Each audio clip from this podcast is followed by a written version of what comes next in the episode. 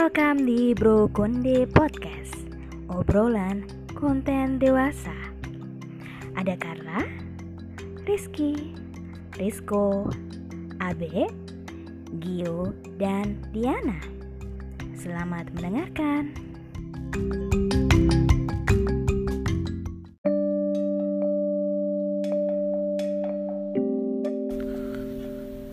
Welcome to Bro Konde Podcast Obrolan konten dewasa Balik lagi dengan gue Rizko Yang udah lama gak nimbrung di Bro Konde Mohon maaf. Ya karena sekarang ada wabah COVID-19 Yang mengharuskan kita untuk social distancing Dan bahkan dihimbau untuk berdiam diri di rumah aja gitu kan. Sekarang kita masuk di segmen Dugem Dunia Gemas. Biasanya bareng partner gue Rizky, Meng Rizky. Tapi ya itu kita social distancing. Jadinya nggak bisa ketemu untuk hari ini. Jadinya mungkin gue akan cerita di sini tentang pengalaman horor gue horor. Tu tu tu tu tu tu tu tu tu tu tu. Itu template lagu-lagu horor tuh biasanya di on the spot kalau kalian tahu kalian tahu nggak sih? Apa cuma gue doang yang tahu? Ya udahlah nggak penting. Ya gitu jadinya gue mau cerita tentang pengalaman horor gue waktu SMP pada suatu hari pas gue kelas 9 iya kelas 3 SMP itu kelas 9 kita mengadakan perpisahan acara perpisahan dari sekolah. Dan itu banyak tuh ya emang seangkatan yang ikut karena perpisahan kan. Ya udah cerita pertama itu tujuan kita maksudnya lokasi kita ke tempat perpisahan itu di pantai Pangandaran. Jadinya kurang lebih tuh hampir tengah malam jam 11 sebelasan malam deh kita baru sampai hotel. Jadi gue langsung skip aja ya ya jam 11 malaman. Dan kita dirapiin dulu dibarisin dulu habis itu cari hotel apa cari kamar masing-masing di hotel. Ya udah kira-kira sekitar pokoknya lewat dari jam 12-an mungkin jam 1 tuh udah tuh kita dapat kamar sesuai nomor masing-masing. Dan kebetulan gue ada di lantai atas entah itu lantai 2 atau lantai 3 gue lupa. Jadinya pada malam itu gue dan teman-teman sekamar gue tuh nongkrong lah di balkon. Waktu itu bikin pop mie kalau nggak salah. Bikin pop mie nongkrong di balkon duduk-duduk. Nah ketika duduk-duduk view kita itu pohon-pohon kelapa di deket-deket hotel situ. Sekitarnya 100 meter ya ada pohon kelapa menjulang tinggi banget. Ya udah di situ kita duduk di belak di balkon dan teman gue ada yang shock pas ngeliat pohon kelapa itu. Karena ada yang duduk di atas di pucuk pohon kelapa itu. Duduk sosok perempuan putih. Dan gue emang punya penyakit mata minus kan gue tuh kayak nyipit nyipitin mata emang iya ada? Emang iya ada? Tapi temen gue udah beberapa tuh kayak anjir kayak astagfirullahaladzim. Iya beneran beneran. Udah yuk ayo masuk kamar masuk kamar. Dan gue tuh masih nyipit nyipitin mata kayak emang iya? Emang iya itu? Astaga ya udahlah. Jadinya itu pengalaman horor gue waktu SMP yang nggak jelas-jelas banget karena kendala mata minus gue gitu. Udah tuh masuk kamar udah dan paginya kita kayak ngebahas emang bener apa enggak? Bener apa enggak? Dan situ gue kalau nggak salah sekamar berlima dan satu udah ada yang tidur jadinya tinggal berempat termasuk gue. Tiga orang itu yang lihat tapi yang ada yang bener-bener ngelihat gitu dengan jelas. Dan gue malah nggak ngeliat karena mata gue minus. Jadi kayak emang iya semalam ada. Tapi ya kata temen gue ada emang beneran ada oke cerita selanjutnya. Ini masih pokoknya masih serangkaian ya. Ini waktu perpisahan. Dan kita ngomongin waktu pulang. Jadi singkat cerita selesai nih perpisahan acara perpisahan. Lalu pulang kita naik bis. Naik bis. Dan pulangnya itu pun juga malam. Jadinya kita lewat tol Cipularang. Tol apa sih yang ke Bandung itu nah udah kan pokoknya malam. Dan habis itu di situ kan ada urban legend ya di tol itu. Kayak seputar waktu itu kita cerita-cerita nih. Yang pertama itu kita cerita urban legend di kilometer berapa ada batu dan ada patung macan. Dan itu diduga sebagai gerbang menuju alam lain gitu. Ya gue juga nggak tahu bener apa enggak tapi ya udah tuh kita buat cerita cerita aja di bis. Wah emang iya di kilometer berapa bla bla bla bla bla. Udah. Sama urban legend satu lagi tentang tol itu. Yang di mana ada sekeluarga naik mobil dan tiba-tiba menepi karena si anaknya ini yang paling kecil pengen pipis gitu kan. Berhenti turun pipis pinggir jalan. Habis itu udah selesai itu anak kecilnya pipi eh selesai anaknya pipis naik ke mobil. Udah keluarga itu jalan. Pas dilihat kok ini si anak kecil ini uh, mimiknya kok beda ya kok lebih murung lebih pendiam dan sebagainya. Terus pas ditelusuri lagi ternyata itu bukan anak kecilnya ternyata itu makhluk lain dan anak kecilnya itu malah ketinggalan di tempat yang tadi atau atau ke alam lain gitu. Pokoknya itu urban legendnya lah. Dua urban legend tentang jalan tol itu. Udah kan? Set. Kita cerita cerita serem dan tiba-tiba di tengah perjalanan bis kita tuh mogok. Mogok itu satu bis. Deng mogok. Dan matinya itu bener-bener kayak mendadak gitu terus kita itu kayak panik woi lu, lu, lu sih cerita serem cerita serem. Iya lu sih kita saling saling nyalain gitu kan. Namanya juga anak SMP iya lu sih lu sih. Nah udah tuh bener, mati. Dan yang anehnya itu ya nggak tau aneh apa enggak sih pokoknya bis itu mati sampai kelistrikannya itu mati. Jadinya uh, pintu nggak bisa dibuka cuma pintu depan doang bisa dibuka. Dan bener-bener mati total. Itu kita nunggu lama banget untuk aktif lagi bisnya. Kita nunggu bahkan nunggu bis rombongan lain buat minta bantuan gitu. Udah tuh lama jadi pengap. Jadi kita udah sampai ada di fase panik di bis karena kenapa ini kok lama? Kok maksudnya matinya kayak nggak wajar gitu. Pintu nggak bisa dibuka kita nggak bisa turun. Habis itu pengap panas di bis apalagi waktu itu kan masih kecil kan masih SMP jadi kayak panik astaga ini kenapa? Ini kenapa? Ya udah. Udah habis itu setelah itu udah nih alhamdulillah bisa bisnya. Singkat cerita bisnya udah udah bisa jalan. Langsung nyari uh, rest area. Dan itu lupa deh rest area kilometer berapa. Udah kita nyampe di rest area tet. Udah kita semua turun. Ada yang makan minum beli beli jajan habis itu ada yang kencing gitulah standar lah ngapain sih di rest area? Udah kan? Nah kebetulan gue itu sama teman-teman gue duduk di uh, yang paling belakang paling belakangnya bis. Udah kan? Kita duduk tet tet tet udah selesai. Nah jadinya uh, rest area itu deket sama jembatan jembatan apa ya? Kayak jembatan jalan gitu deh buat warga jadi dilintasi jembatan gitu. Nah di situ gue lihat sosok putih gitu cewek putih pakai baju putih. Nah kan karena mata gue minus jadi kan jembatan tuh ada pinggirannya.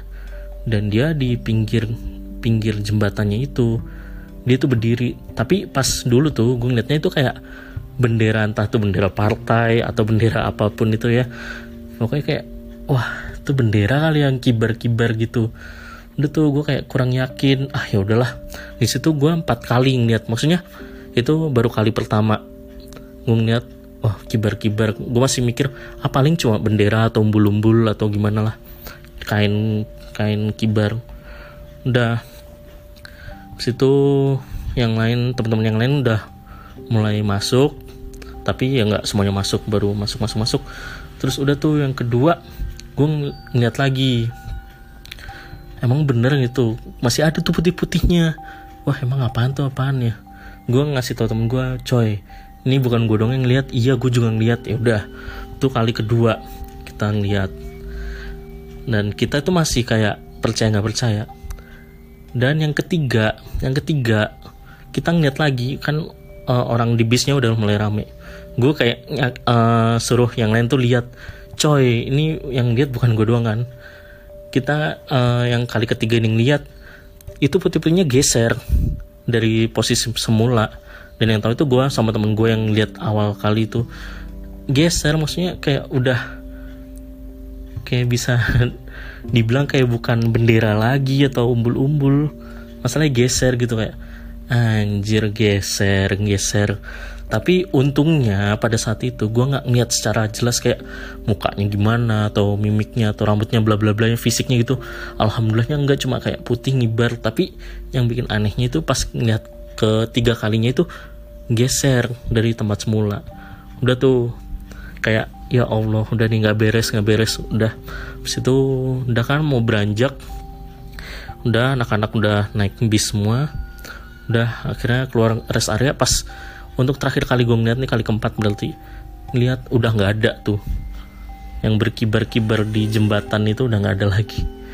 Jadinya sampai sekarang tuh kayak percaya nggak percaya sih. Iya kalau gue pribadi nggak terlalu percaya masih nggak nggak terlalu percaya tapi ya emang itu yang gue alamin pada waktu itu ya. Ya begitu. Oke sekian cerita horor yang gak begitu serem dari gue. Dan mungkin partner gue Bang Rizky mau bercerita horor juga mungkin atau podcaster Brokonde lain mau berbagi kisah horornya ke kalian. Ya ditunggu aja. Kalau gitu sekian dari gue Rizko. Semoga kita ketemu di episode selanjutnya. Gue pamit and see you until next time Bye.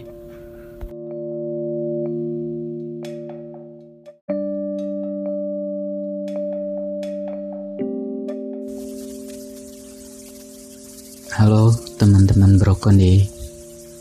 Balik lagi bareng gue Gio. Kali ini gue mau sharing cerita pengalaman Yang cukup uh, bikin gue merinding. Sebenarnya gue agak takut juga sih uh, mau menceritakan ini karena iya agak agak serem gitu. Cerita ini gue alami sekitar kurang lebih uh, 10 tahun yang lalu gitu. Waktu itu gue kos di daerah Cempaka Putih karena kebetulan gue kerja di situ Uh, kebetulan tempat kosnya sih uh, kalau dilihat dari depan nggak terlalu menyeramkan sih. Cuman kalau di kita masuk ke dalam dan kebetulan uh, kamar kos gue di lantai dua, posisinya itu di tengah-tengah. Jadi di tempat kos itu uh, berderet ada tiga kamar jadi posisi kamar gue di tengah. Ah, sebenarnya gue agak ragu kos di situ. Kenapa? Kalau kepercayaan orang-orang Jawa di daerah gue, kalau kamar ada ruangan yang berderet tiga, itu disebutnya bangsal mayat. Jadi kalau lu menempati tempat itu akan ada kejadian-kejadian aneh yang akan lu alami. Dan akhirnya gue mengalami itu juga. Jadi pas malam Jumat atau malam apa itu gue nggak inget sih. Yang jelas malam-malam dulu kos uh, gue kos berdua bareng teman. Dan kebetulan teman gue saat itu uh, belum pulang kerja. Jadi gue posisi uh, kondisi di kamar lagi sendiri. Dan tak kenapa gitu kan biasanya nggak ada masalah gitu kan. Tapi entah kenapa uh, saat itu uh, kamar sebelah gua itu mulai ada suara-suara kayak orang ngetuk-ngetuk uh, di temboknya gitu. Tok tok tok pelan. Awal-awal uh, gue pikir ah mungkin ada orang iseng gitu. Uh, tapi gue baru ingat kebetulan uh, kanan kiri gue itu ternyata belum ada orang jadi kosong jadi kamar yang pertama itu kebetulan dia pulang. Dan kamar yang satunya itu memang uh, penghuninya juga belum pulang. Dan gue di tengah tok tok tok. Suaranya makin kenceng makin intens. Nah, makin lama tuh badan gue makin gak nggak karuan, merinding. Gue ampe baca-baca lah segala macem ini ini kenapa gitu. Kok hawanya nggak nggak enak banget gitu. Gue sampai merinding baca-baca, tapi suara itu makin keras. Tok tok tok tok tok tok tok tok tok gitu. Dan dan itu bener-bener gue ampe keluar keringet dingin gue sampai pegang Al-Quran karena sangkin takutnya gitu kan dan suara itu makin kencang. Akhirnya karena gue sangkin sudah apa udah nggak kuat gue akhirnya keluar lari dari kamar itu gitu kan. Gue lari sekenceng-kencengnya dari lantai satu ke bawah gitu kan keluar.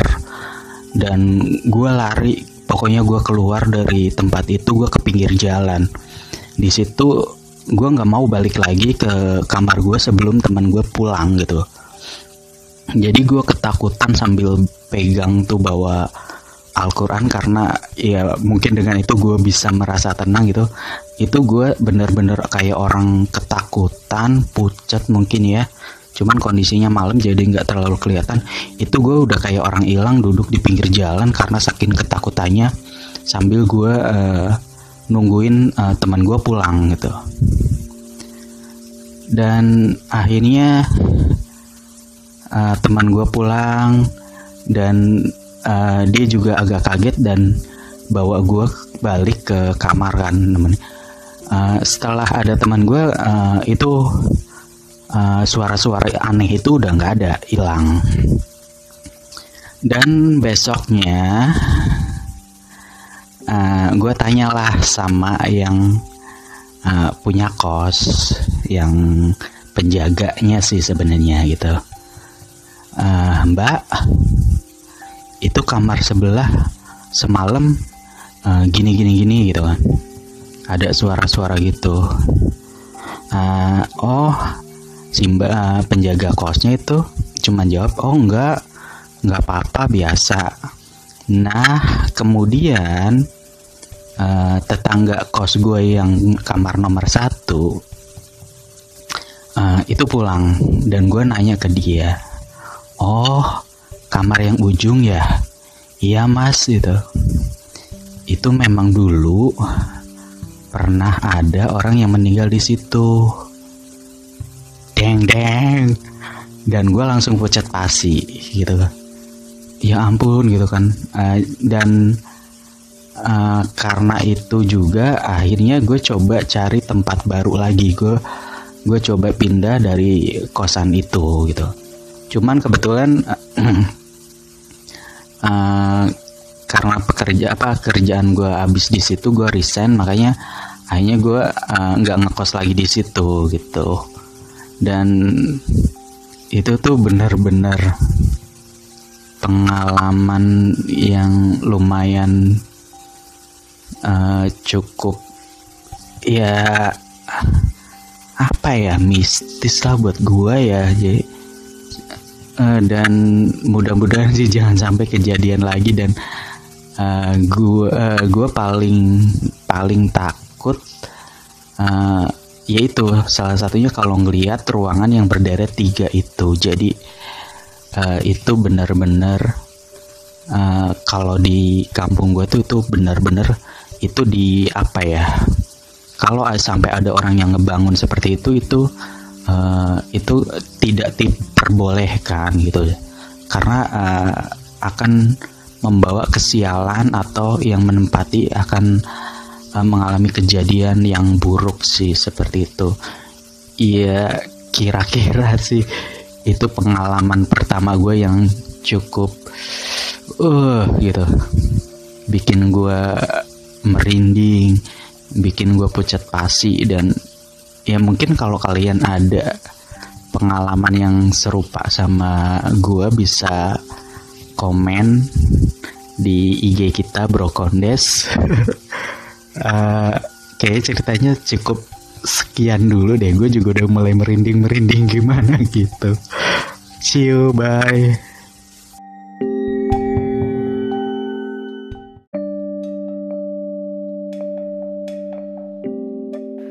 Halo Brokonders, Rizky di sini.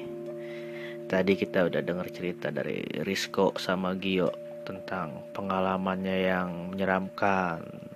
Nah, gue juga mau cerita nih tentang salah satu pengalaman gue yang sampai sekarang gak bakal bisa gue lupain jadi begini ceritanya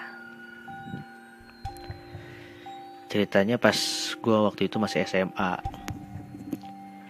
jadi sore hari pas gue sama abang-abang gue lagi main PS tiba-tiba di rumah gue kedatangan tamu ternyata dia adalah Ibu Wati Nah sebelumnya gue mau kasih tahu dulu nih siapa sih itu Bu Ati. Jadi Bu Ati itu adalah istri dari Pak Sodik. Nah mereka tuh suka sering bantu keluarga gue gitu. Jadi kalau mau benerin rumah atau benerin apa gitu yang rusak di rumah gue kita selalu minta tolong sama Pak Sodik. Jadi keluarga mereka boleh dikata termasuk keluarga yang menengah ke bawah. Mereka punya anak empat. Nah, mereka tuh tinggal di sebuah gubuk di tanah milik PLN. Jaraknya nggak jauh dari rumah gue, sekitar 300 meteran lah. Nah, Buati ini emang sering datang ke rumah gue. Sebulan mah ada kali sekali atau dua kali mampir tapi emang beberapa bulan terakhir ini Buati udah jarang mampir ke rumah gue. Balik lagi ke sore hari itu yang pas tadi gue lagi main PS.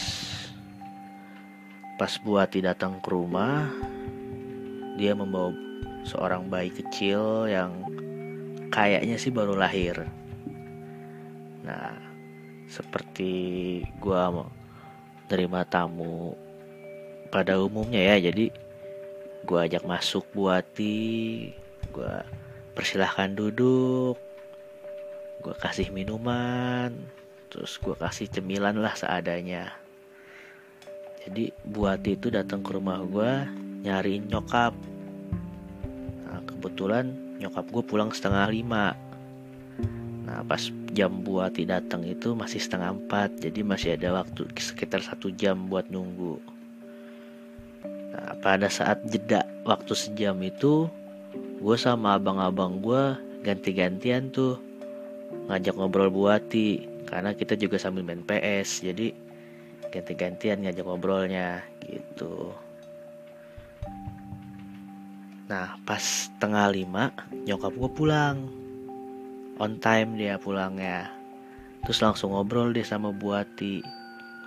Jadi kira-kira buati tuh ngasih tahu kalau sekarang dia sama keluarganya udah sebulan ini pindah ke Parung. Karena tanah yang uh, tempat gubuk mereka itu berdiri itu udah mau dibangun sama PLN jadi mereka harus pindah tanpa biaya tanpa biaya penggantian speser pun gitu. Karena mereka memang cuma numpang luang sifatnya. Nah selain itu juga Buati juga ngasih tahu kalau selama ini udah jarang mampir karena uh, rupanya tengah ini hamil dan baru melahirkan. Jadi belum sempat sempat mampir ke rumah gitu. Nah, ngobrol-ngobrol itu nyokap sama Buati dari jam setengah lima sampai setengah enam. Nah pas jam setengah enam itu Buati pamit karena takut kemagriban sampai rumah. Karena rumahnya sekarang udah nggak deket lagi gitu di Parung. Jadi seperti biasa pas Buati pamit kita sekeluarga uh, ngasih inilah ongkos lah ngasih ongkos. Jadi kita biasanya tuh setiap kali Buati datang pulang-pulang itu kita suka ngasih ngasih ngasih ongkos ke Buati atau kalau ada baju-baju bekas layak pakai. Atau kalau ada juga makanan lah seadanya. Jadi ada yang dibawa lah oleh-oleh pulang. Nah, terus buati pulang tuh ke Parung jam setengah enam. Bawa bayi. Bayinya digendong-gendong naik angkot kan nah udah gitu seminggu kemudian kebetulan gue sama keluarga gue lagi ada acara di Bogor. Nah pulangnya nyokap ngajak mampir ke Parung karena kan kalau dari rumah gue Ciputat ke Bogor itu kan trayeknya lewat Parung tuh. Jadi kata nyokap sekalian lah nengokin Buati karena waktu ke rumah kemarin tuh belum sempet ngasih kado buat anaknya yang baru lahir. Nah gitu. Pas sampai rumahnya Buati suasana agak sedikit sepi. Nah ya udah nggak apa-apa lah kita masuk aja ke rumahnya. Siapa tahu ada orang. Nah rupanya kita disambut sama Yudi. Nah Yudi ini anak pertamanya Pak Sodik sama Buati gitu. Nyokap nanya ke Yudi Pak Sodiknya ada nggak? Si Yudi jawab kalau bapaknya itu lagi jadi satpam di kompleks sebelah jadi masih kerja.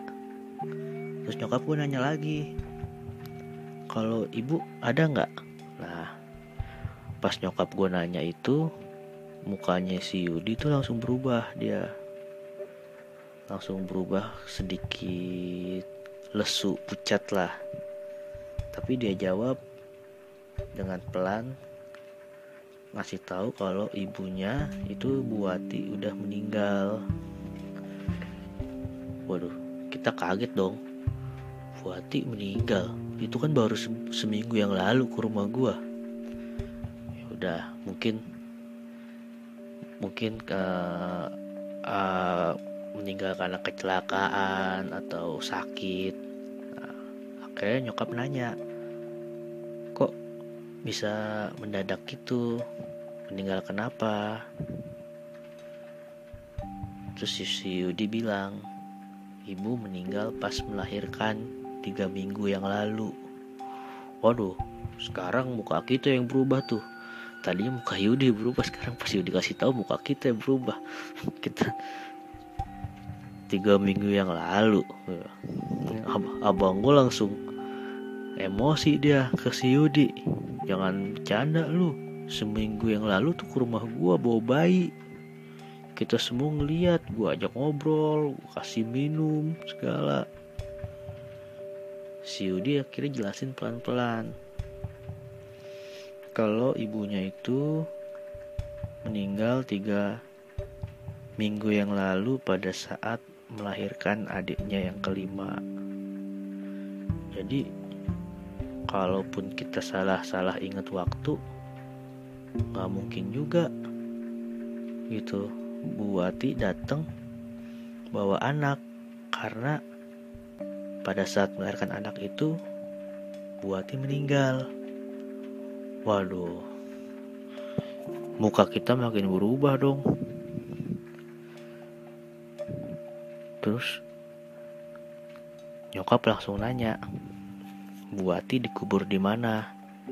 Niatnya sih nyokap gue tahu, dia pengen mastiin batu nisannya tuh ditulisnya tanggal berapa gitu, biar clear. Takutnya kita dianggap bohong atau kita nganggap Yudi bohong gitu. Akhirnya kata si Yudi makamnya kebetulan dek deket sama rumahnya jadi bisa diantar. Ya akhirnya tuh Yudi nganterin ke makamnya Bu Ati. Dan betul loh ternyata di atas di batu nisannya tuh ditulisnya emang Bu Ati tuh meninggal tiga minggu yang lalu gitu. Jadi gua abang-abang gua sama nyokap tuh langsung langsung pucat mukanya. Udah udah akhirnya nggak nggak lama-lama di makam kita pamit. Tapi sebelum pamit nyokap sempat nanya lagi. Terus bayinya sekarang di mana gitu. Jadi adanya Yudi yang baru lahir itu di mana? Kok nggak kelihatan? Siapa yang ngurus? Gitu kan. Ternyata Yudi jawab kalau adiknya itu pas saat lahir langsung diadopsi sama pasangan suami istri yang ada di kompleks sebelah. Jadi mereka menawarkan diri untuk merawat mensekolahkan dan uh, membesarkan adiknya itu. Jadi dengan berat hati Pak Sodik juga sama kakak-kakaknya juga setuju bayinya itu diadopsi sama pasangan itu. Akhirnya kado yang kita mau kasih itu dititipin aja ke Yudi. Kita nggak lama-lama di sana langsung pamit pulang. Jadi sepanjang jalan pulang tuh kami sekeluarga tuh diam-diaman tuh. Paha lemes dengkul lemes. Lihat apa sesekali tuh lihat-lihatan tuh. Bener nggak sih gitu seminggu yang lalu tuh Buati tuh datang ke rumah bawa-bawa bayi tanpa ada tanda-tanda keanehan. Siang hari pula gitu kan biasanya kan kita kalau mikir kalau itu makhluk halus kan biasanya malam-malam ya. Ini sore udah gitu dikasih minum dia minum. Kita mikir kalau kayak gitu kan nembus atau apa airnya gitu kalau diminum nembus gitu basah ke, ke kursi ini enggak. Udah gitu bayinya itu yang digendong juga nangis gitu. Itu masa sih itu makhluk halus itu yang berubah jadi buati itu? Tujuannya apa juga gitu? Apa emang itu buati yang mau ngasih tahu kalau beliau udah meninggal terus uh, seakan-akan cuma ngucapin terima kasih sama pamit doang gitu. Nggak ada yang tahu sampai sekarang tuh. Jadi setiap kali gua abang-abang gua nyokap itu inget-inget cerita itu pasti langsung dibahas. Langsung dibahas terus terus sampai sekarang masih merinding aja. Kalau inget-inget soal cerita-cerita yang ini gitu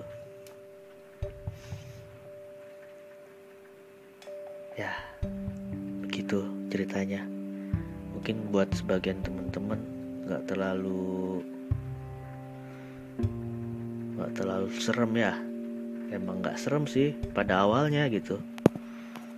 Cuman pas tahu ternyata tamu yang datang ke rumah kita itu ternyata udah meninggal sebelumnya wah merinding juga inget-ingetnya ya kira-kira begitulah pengalaman gue yang sampai sekarang tuh gue gak bisa gue lupain lah. Bukan cuman gue sih keluarga gue juga belum bisa ngelupain. Gitu. Nah mungkin teman-teman brokonders punya pengalaman pengalaman yang lebih nggak bisa dilupain terutama yang menyangkut horor-horor gitu. Bisa cerita ke IG kita nanti bisa request juga mau dibawain nama siapa. Di sini bisa gue yang bawain atau mau dibawain sama suara indahnya Risco bisa juga atau dibawain sama suara charmingnya Om Gio. Atau mau atau malah mau dibawain sama suara imut-imutnya Mbak Diana. Boleh juga.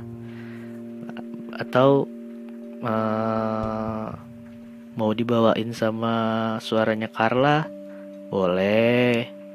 Atau suara fuckboynya Abe silahkan. Jadi teman-teman DM aja di IG kita ceritanya pengalamannya seperti apa sama mau siapa yang bawain gitu. Ya sekian dari gua. Mudah-mudahan uh, pandemi corona di Indonesia cepet-cepet lewat lah ya biar kita bisa uh, bikin podcast bareng-bareng lagi nggak gantian kayak gini. Soalnya kita bikinnya masing-masing di rumah aja gitu di rumah masing-masing. Ya begitulah teman-teman. Uh, sampai jumpa lagi di dugem episode selanjutnya.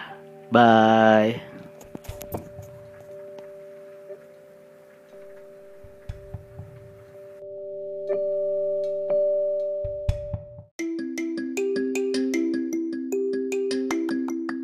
libur sama onde-onde. Pantangin terus Bro Konde ya.